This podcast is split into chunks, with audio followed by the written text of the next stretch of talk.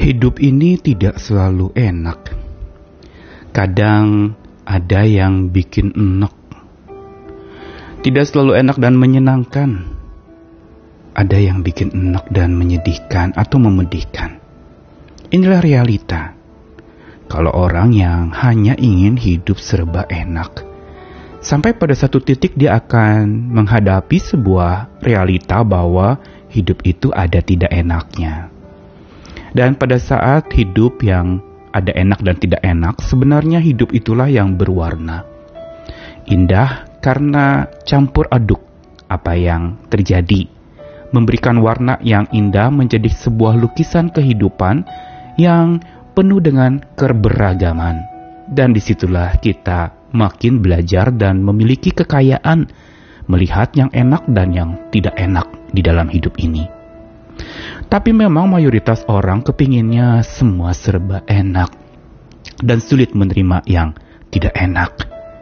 Dan saat diminta untuk menerima yang tidak enak, dia langsung tolak dan berjuang sedapat mungkin untuk selalu mendapatkan yang enak, bahkan menghalalkan segala cara untuk dapat yang enak.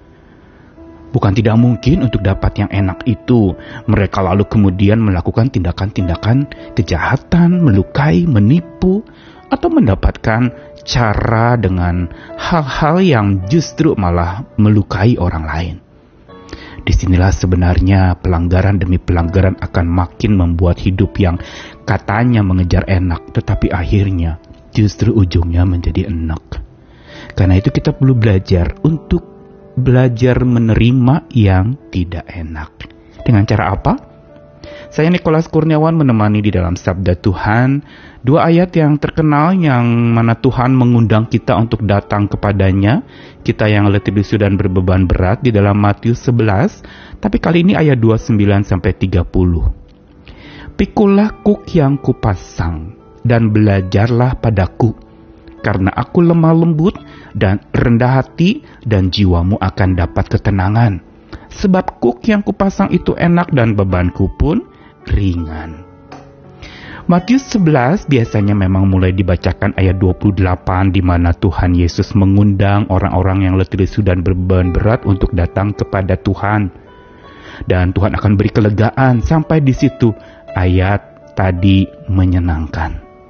Tapi rupanya tidak berhenti sampai datang kepada Tuhan dan Tuhan beri kelegaan secara otomatis. Ada bagian kita yang harus kita kerjakan untuk supaya kelegaan itu datang menghampiri kita, yaitu pikulah kuk yang kupasang. Apa maksudnya memikul kuk yang Tuhan pasang?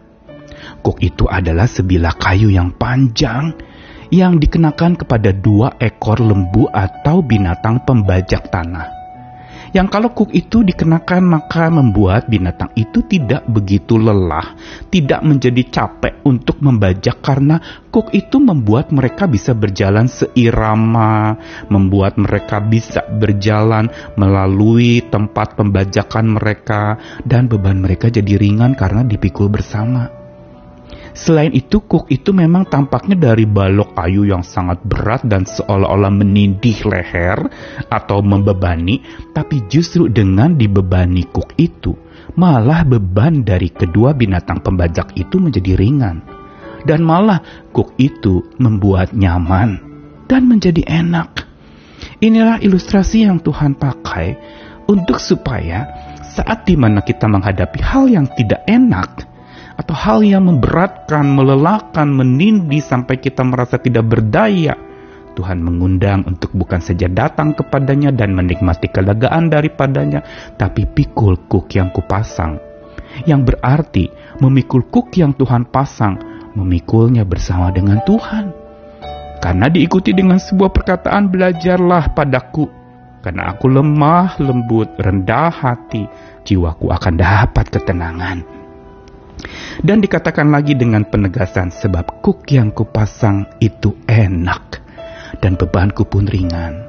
Tuhan ingin mengatakan kalau engkau mengenakan kuk yang kupasangkan itu dan berarti engkau akan berpasangan dengan aku kita akan berjalan bersama-sama maka itu akan jadi enak.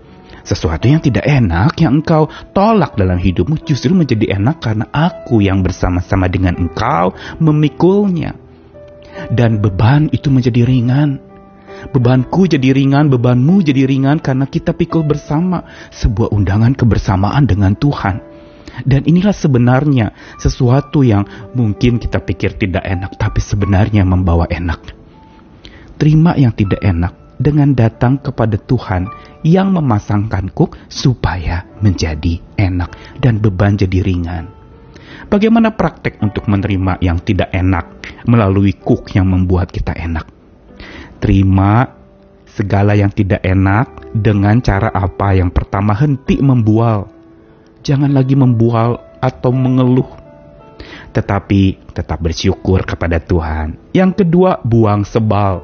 Segala rasa benci, kesal, kesebalan, kebencian itu singkirkan karena itu akan tambah tidak enak kalau sudah kita tidak enak hidupnya kita tambah dengan sebal menjadi tidak enaknya double yang ketiga gunakan akal Jangan gunakan perasaan saja yang membuat kita akhirnya mengeluh marah-marah atau emosional.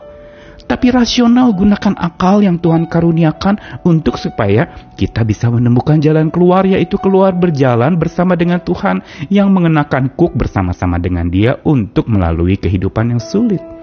Dan yang terakhir serta yang terpenting, arahkan pada yang kekal. Arahkan hidup kepada kekekalan yang sementara akan berlalu tapi pandang kepada yang kekal yaitu Allah yang kekal sekaligus hal-hal yang bersifat kekal. Masalah hidup sementara tapi kelepasan hidup dalam sukacita surgawi itu abadi dan kekal. Arahkan pada pandangan itu sehingga kita menemukan kelegaan. Semua ini disatukan dalam satu pesan, kuk yang kupasang itu enak. Kenapa kita harus arahkan pada yang kekal? Karena kuk yang dipasang Sang Maha Kekal itu enak. Mari temukan hal-hal yang justru Tuhan sedang kerjakan lewat hal-hal yang tidak enak yang sedang kau tolak hari ini. Terima yang tidak enak dengan cara henti membual, buang sebal, gunakan akal, arahkan pada yang kekal. Sebab kuk yang Tuhan pasang itu enak. Selamat berjalan lagi bersama dengan Tuhan. Tuhan tak akan pernah meninggalkan kita ketika kita menyerahkan diri untuk memikulnya bersama dengan kekuatan Tuhan. Kasihnya menopang kita. Amin.